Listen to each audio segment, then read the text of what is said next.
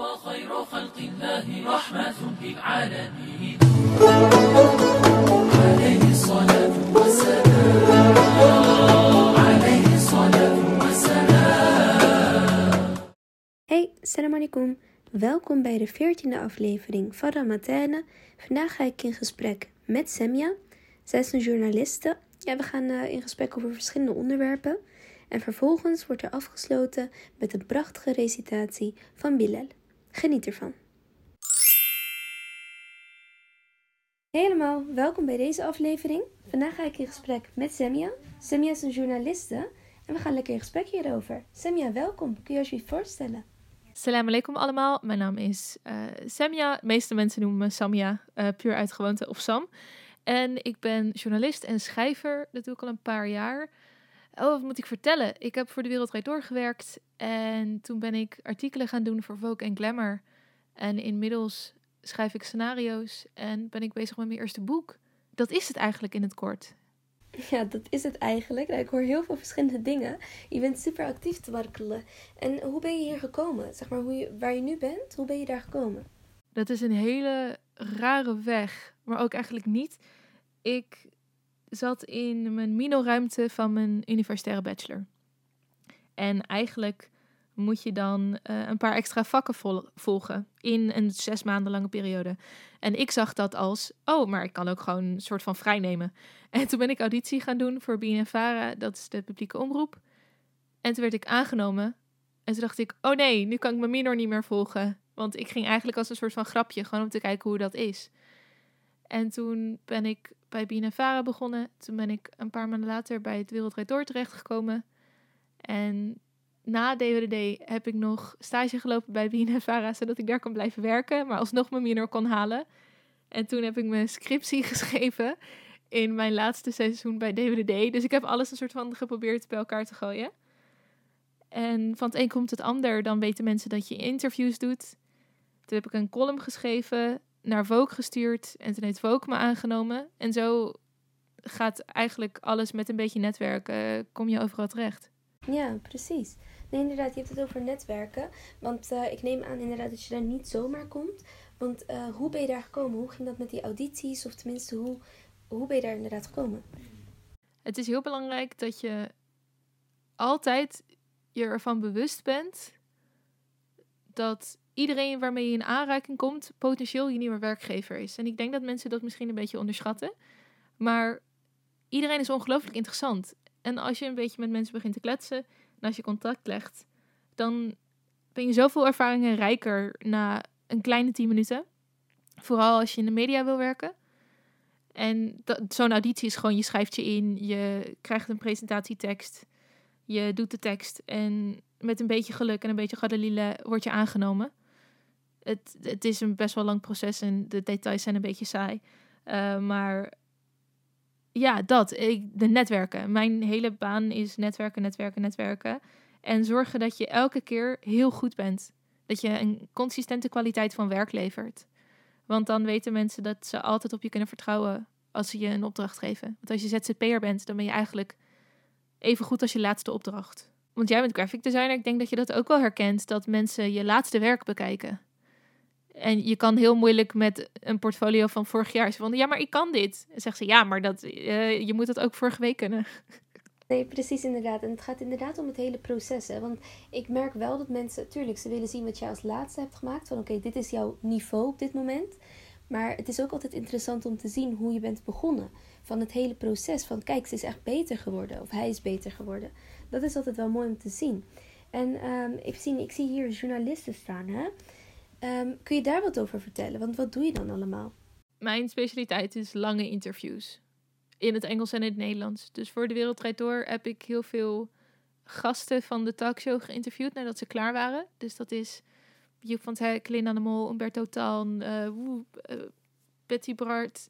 Heel veel leuke, hele interessante mensen. En dat is uiteindelijk in de tijdschriftenwereld overgeslagen naar internationale uh, artiesten en acteurs. Dus dat is Lizzo en Jamila Jamil. Uh, ik heb Billie Eilish geïnterviewd voor DWD, wat echt fantastisch was. Dus ik, ik heb, heb, lange gesprekken met mensen, die schrijf ik op en die komen in bladen terecht. Dat is in het, in het super makkelijke, is dat mijn werk. En op niveau heb je het dan over hoe zorg je dat je mensen respecteert en dat ze je vertrouwen met hun verhaal. Want in de essentie is een interview gewoon vragen stellen. Alleen alles daaromheen, dus de sfeer, de manier waarop je je voor het eerst voorstelt, de kwaliteit van je vragen, hoe erg je luistert, dat bepaalt hoe mensen antwoorden. Dat is eigenlijk de kunst van, van contact leggen. Ja, dat is wel echt heel mooi gezegd, inderdaad. Nee, klopt, I agree. Ik- vind het heel tof ook dat jij met heel veel verschillende dingen bezig bent. Hè? Dat je zoveel mensen spreekt. Het lijkt me gewoon super interessant om dan elke dag iets nieuws te leren en nieuwe mensen te spreken. En tuurlijk, je leert elke dag wel iets. Alleen het feit dat jij echt met mensen in gesprek gaat daarover. Wat is, wat is het mooiste wat je ooit hebt meegekregen of wat je ooit hebt gehoord tijdens zo'n interview? Uiteindelijk denk ik dat het belangrijkste wat ik heb geleerd is. Er is een heel bekend fenomeen dat nu een beetje de ronde doet, dat heet imposter syndrome. En dat is het fenomeen dat hoe succesvol je ook bent, dat je nog steeds denkt dat je op de een of andere manier mensen voor de gek aan het houden bent. Dat je er toevallig bent, of per ongeluk bent, of dat morgen mensen erachter komen dat je eigenlijk stiekem helemaal niks kan. En dat is natuurlijk heel naar. Want dan kan je nooit echt genieten van wat je hebt gemaakt en wat je hebt gedaan. En iedereen op elk niveau heeft dat. Dus de mensen die net zijn begonnen, heb ik daarover gesproken, tot de mensen die niet normaal over straat kunnen. Die gewoon aangevallen worden door hordesfans. En islamitisch gezien, en als we het over de Ramadan hebben, dan is succes ook iets heel bijzonders. Want wanneer ben je succesvol? Ben je succesvol eh, gaat het om de dunja? Gaat het om de eigen? Hoe wil je succesvol zijn? Waar wil je bekend om worden? En natuurlijk is het super vet als je beroemd bent en dat mensen je om advies vragen en om hulp vragen. Maar als je Hafid al-Quran bent, waar niet 10.000 mensen kaartjes voor komen, kopen in de Ziggo Dome om je te horen reciteren, maar wat je wel erg succesvol maakt binnen, binnen islamitische principes, zeg maar. Dus ik ben er heel erg actief over aan het nadenken van, oké, hoe, hoe denk ik over mezelf? Zie ik mezelf als iemand die toevallig per ongeluk succesvol is geworden? Ben ik daar dankbaar genoeg over? Ben ik bewust bezig met, is dit een goed pad voor mij? Is dit, you know, weet je, de Sirat al-Mustaqim? Eh, is dit een zegening? Is dit een, een zwaarte? Is dit een test?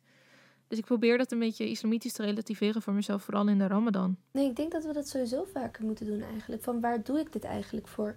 Doe ik dit echt alleen voor in dit leven, dus echt dunya, of in akhira?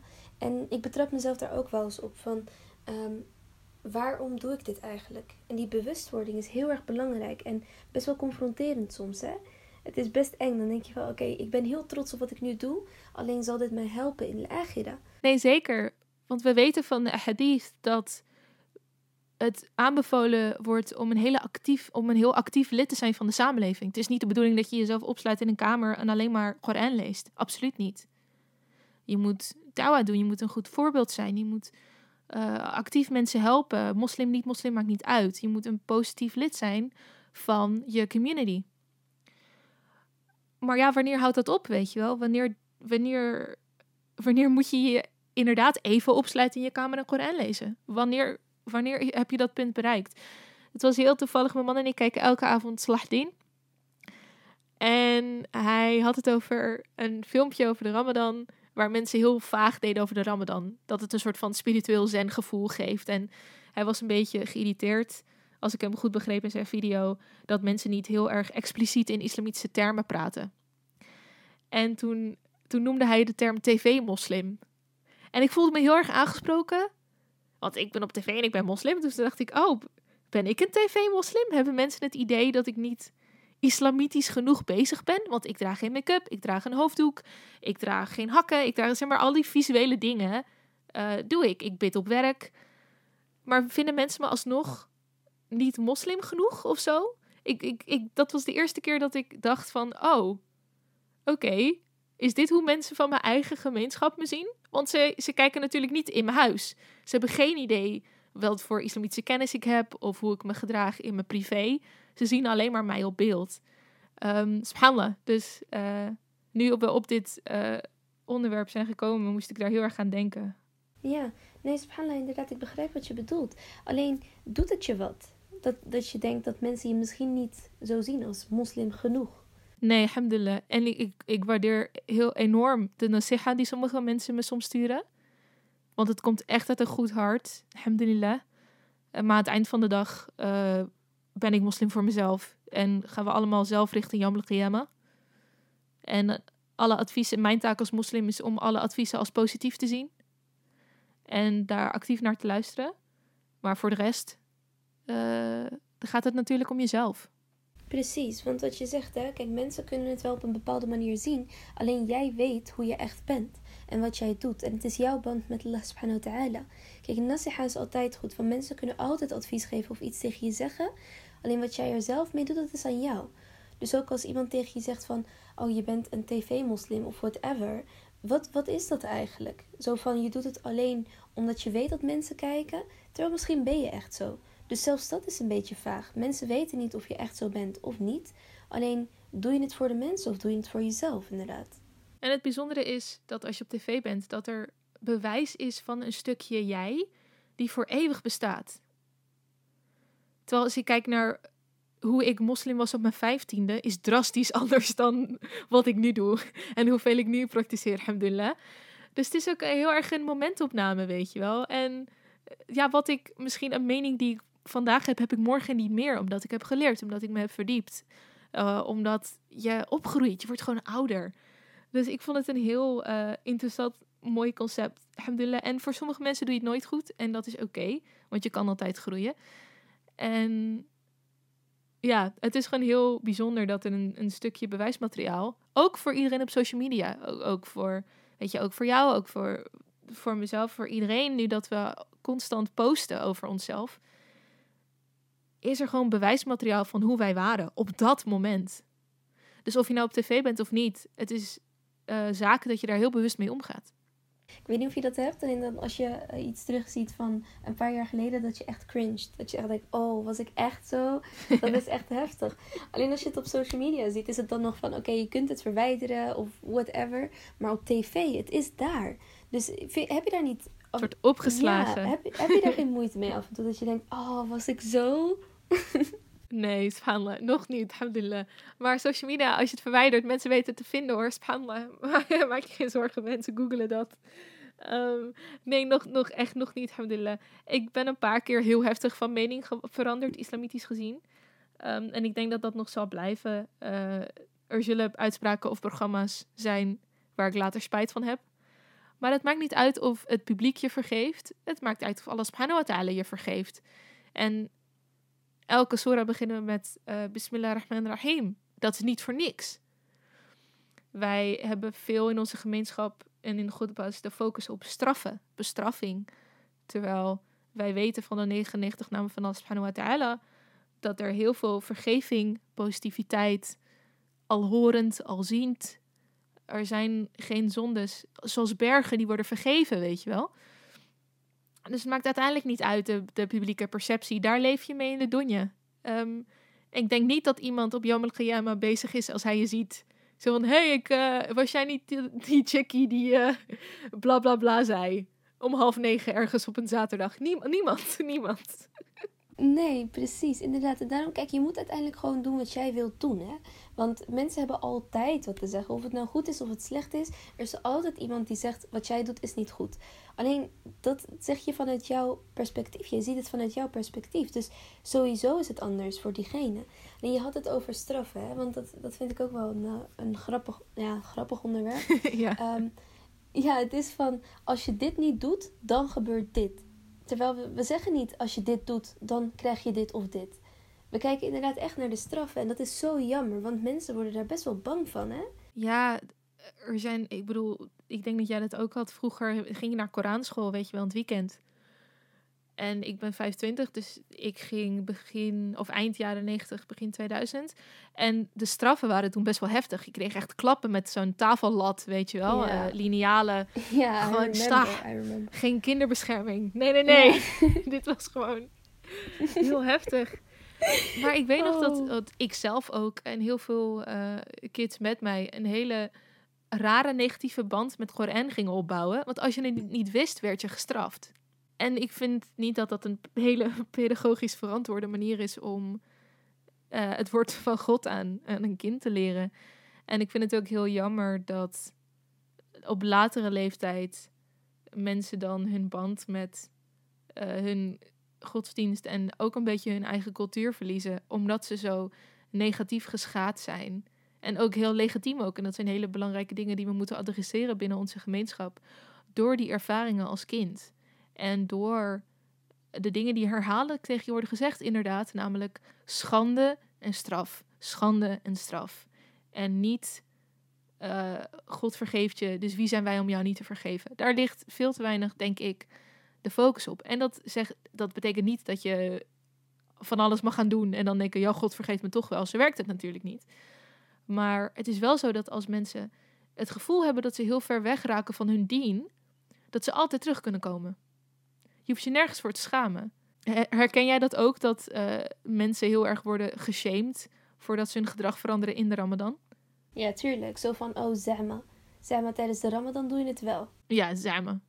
Dat is toch hartstikke goed? Dat mensen binnen Ramadan, dat is toch top? Precies, zeg maar, je moet ergens beginnen. En dit is het juiste moment. Ja, Want het is heel mooi om te zien dat mensen nu juist extra hun best doen. Dus om erin mee te gaan, dat maakt het alleen maar makkelijker. Dus in plaats van te zeggen, oh, je doet zogenaamd nu wel je best, moet je juist zeggen, oh, het is echt heel goed van je dat je nu juist je best doet. Eh, ja. En wat je zegt over eh Koranschool en zo vroeger, hè. Ik ken mensen, gewoon in mijn directe omgeving die ik ook zie, die vroeger dus echt heel erg met het geloof bezig waren. Alleen op een gegeven moment het gewoon inderdaad helemaal niet goed ging. Omdat ze gestraft werden of klappen kregen uiteindelijk. Echt heftig. En dan nu helemaal zijn veranderd. Dus er niets meer mee te maken willen hebben. En dat is best heftig. Want dan komt het vanuit deels de opvoeding, I guess. En de manier waarop we dingen leerden toen. en dat is natuurlijk helemaal niet een islamitische manier om les te geven. Wij weten van onze eigen geschiedenis dat dingen op een hele rustige manier werden uitgelegd. En nooit met fysieke straffen. Nooit. Hele op hoog niveau intellectuele gesprekken. Waar, weet je, ikra, lees. Daar staat niet klap, er staat lees. en toch is er ergens ingeslopen dat we ons zo negatief moeten, moeten uiten over heel positief gedrag. Lahshoma, uh, zama, al deze negatieve woorden die we constant zeggen. En inderdaad, als een zuster een hoofddoek wil dragen alleen tijdens de ramadan en wij zeggen je bent hypocriet, hoe denk je dan, natuurlijk gaat ze hem afdoen. Als wij tegen een broeder zeggen waarom bid je nu, tuurlijk gaat hij niet bidden. Dat, dat zijn hele natuurlijke sociale processen. Als je, je wil ergens een beloning voor, je wil ergens in aangemoedigd worden. En weet je, wij dragen allebei een hoofddoek. Ik denk, we hebben genoeg opmerkingen waarschijnlijk gekregen met... Oh, als je skinny jeans draagt, kan je net zo goed je hoofddoek afdoen. Als je make-up draagt, kan je net zo goed je hoofddoek afdoen. Dan denk ik, hallo, eh, ga je ook zeggen, neem maar een broodje bacon omdat je alcohol drinkt? Nee, dat zeg je niet. Het, het is niet het ene en het ander. Het is, als dit nu goed voelt, voelt dit nu goed. En ik ga dua voor je doen dat het andere ook inshallah goed gaat voelen. Nee, inderdaad. Wat ik ook wel zie is als mensen een fout maken of bepaalde dingen dus niet volgens de islam doen, dat ze zeggen van, ja, kan ik net zo goed ook dit of dit doen? Weet je wel, van ik heb het al verpest, dan kan ik beter nog dieper erin gaan. Terwijl, nee, juist niet. Als je iets doet, vraag om vergeving. Of tenminste, zeg, uh, doe dua van uh, Allah subhanahu wa ta'ala. Krijg Ja, je sowieso, inshallah. Ja, tauba, precies. En daar gaat het om. Je mag fouten maken, maar je moet wel zeker weten dat je je best doet om het niet meer te doen. En daar gaat het om. Daar gaat die hele tauba om. En wat jij ook zegt, hè, van je draagt een hoofddoek, maar wel skinny jeans. Oké, it's my life. Uiteindelijk ga ik zelf mijn graf in. Als jij dit nu tegen mij zegt, er zijn waarschijnlijk zoveel dingen die jij niet goed doet. En daar hoor je mij ook niet over praten. Dan die hele cliché zin van leven en laat leven. Maar it's, it's true. Het is echt waar. Ja, precies. En wat, wat zeggen wij over islam? Welke, wel je, welke dawa doe je als je zegt dat iemand zonde moet gaan plegen? Wat ben je aan het zeggen? Letterlijk. Ik denk dat als. We doen het ook als gewoonte, weet je wel. Het is, het is een culturele gewoonte geworden. Ik denk dat heel veel mensen ook, eh, of in ieder geval hun Arabische identiteit of culturele identiteit mixen met godsdienst dat sommige dingen heel erg inherent Marokkaans zijn, betekent niet dat dingen inherent islamitisch zijn. Nou, shoma, weet je, is heel erg intens Marokkaans. Ja, die hshuma is bijna gelijk aan haram. Die staat bijna gelijk aan haram. Snap je? Dus eh, het is niet hetzelfde. Ja. Ja, het is hshuma, dus het is haram.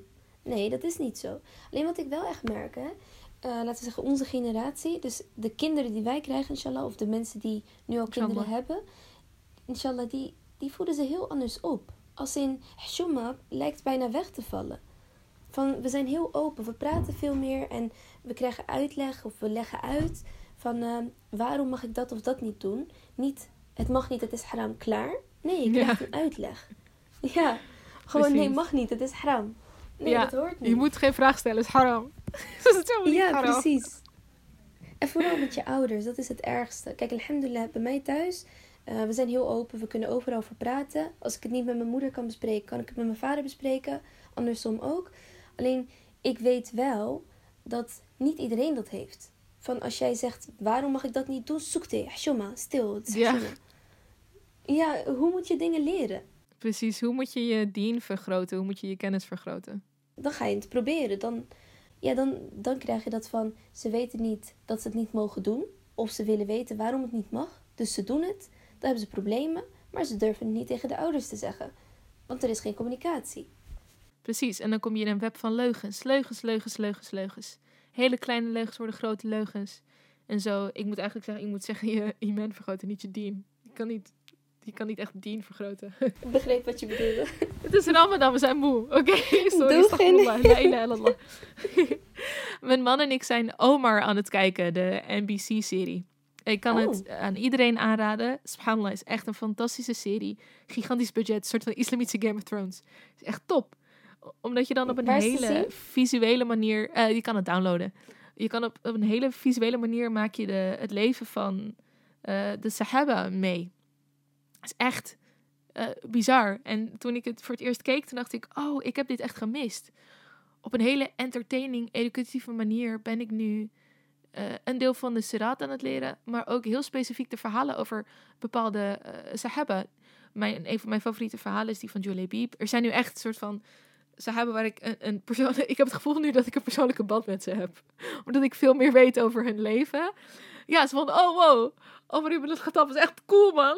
ik zo, wat is dit? ja, weet je, Abu Bakr is echt, wow, hij was echt top, weet je. Ja, nee, precies. Want je ziet het. Dus je kunt, je, ik weet niet, je voelt het meer of zo. Je kan er meer bij het voorstellen. Ja, Precies.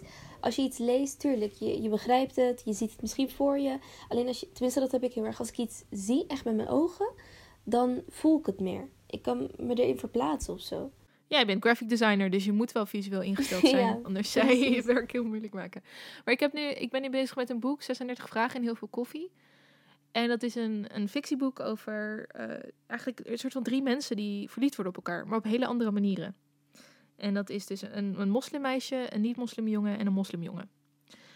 En toen dacht ik bij mezelf, ik wil een boek maken dat ik had willen hebben toen ik 14 was.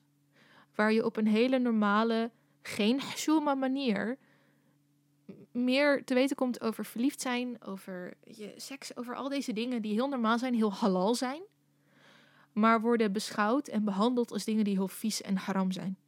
Want we kunnen wel doen alsof niemand verliefd wordt. We kunnen wel doen alsof seks niet bestaat tot je getrouwd bent. Maar wij zijn er, dus iemand heeft kinderen moeten krijgen. Het zijn hele normale processen. Alleen het wordt gezien als. Ja, het, wordt, het is zo bizar. eh, hoe ik ook mezelf tegenkom tijdens het schrijven. Dat ik gewoon merk dat ik het eng vind om dingen op te schrijven. Omdat ik denk dat mijn vader erachter komt. Wat echt super grappig is. Precies, nee, ik weet precies wat je bedoelt. Wij weten dat er vroeger les werd gegeven in één ruimte. Vrouw aan de ene kant, man aan de andere kant. Er was geen schotje, er was geen gordijn. Er werd veel minder moeilijk gedaan over man-vrouw relaties in de tijd van de profeet sallallahu alayhi wasallam. Maar we zijn ergens cultureel gezien, door de jaren heen, zijn we heel spastisch geworden over een aantal dingen waar we niet zo raar over horen te doen vanuit onze godsdienst, maar die erin zijn geslopen via cultuur. Weet je, Mohammed sallallahu alayhi wasallam werd benaderd door vrouwen om te praten over hun ongesteldheid. Want mensen hadden vragen. Dat, dat moet je weten. Het gebeurt elke maand, belangrijk. Terwijl ik weet broeders die voor nog geen miljoenen euro tampons zouden durven kopen. Eén, ze zouden tegen je schreeuwen omdat ze zouden zeggen dat dat haram was. En twee, ze kunnen de schande niet aan. ja. Nee, precies. Alleen ook dat, dat hele punt van Rasul wasallam, de manier waarop hij met zijn vrouw omging. En hoe dat nu helemaal wordt verdraaid van, ja, islam eh, staat gelijk aan onderdrukking, de vrouwen zijn minderwaardig. Nee, juist niet. Het tegenovergestelde gewoon. Rasul wasallam ging zo goed om met de vrouw en dat wordt vergeten of zo. Zeker. Khadija radiallahu anha vroeg onze profeet sallallahu alaihi wasallam ten huwelijk, hè? Ja, Zij was het. Zij was mega rijk. Zij was een van de top, top, top, top, top, top quote 500-achtige. Fantastisch. En zij vroeg hem ten huwelijk. En subhanallah, ik denk dat als je nu een verhaal hoort van in de buurt, dat er een zuster een broeder ten huwelijk zou vragen, zouden mensen echt echt denken, nee, hashoma, kan Dat is niet, Ja. Ik precies. zo, het- is, het is bijna sunnah. Ja, met hashemsh gewoon, met het. Echt? Die- ja, hoe groot was de mahr? Ik zou, eh, je, je mahr kan ook een Koran-hoofdstuk zijn, hè? Dat je man gewoon zegt, oké, ik ga Surat Yes inleren voor je. Dat is mijn cadeau aan jou. Mensen willen nu een, een koude 30.000 euro cash. Gewoon, gewoon op tafel leggen, klaar. Gewoon op tafel. Zo niet, jalla, daar is de deur.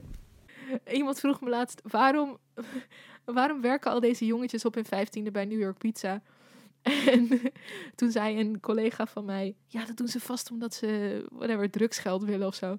Ik zo, waar heb je het over? Ze moeten een bruiloft betalen later. Echt, hè, vanaf 15 hem second. Allahu, ja, het is echt. Ja, Rabbi, subhanallah, mogen alles fijn het makkelijk maken van onze jeugd. Ja.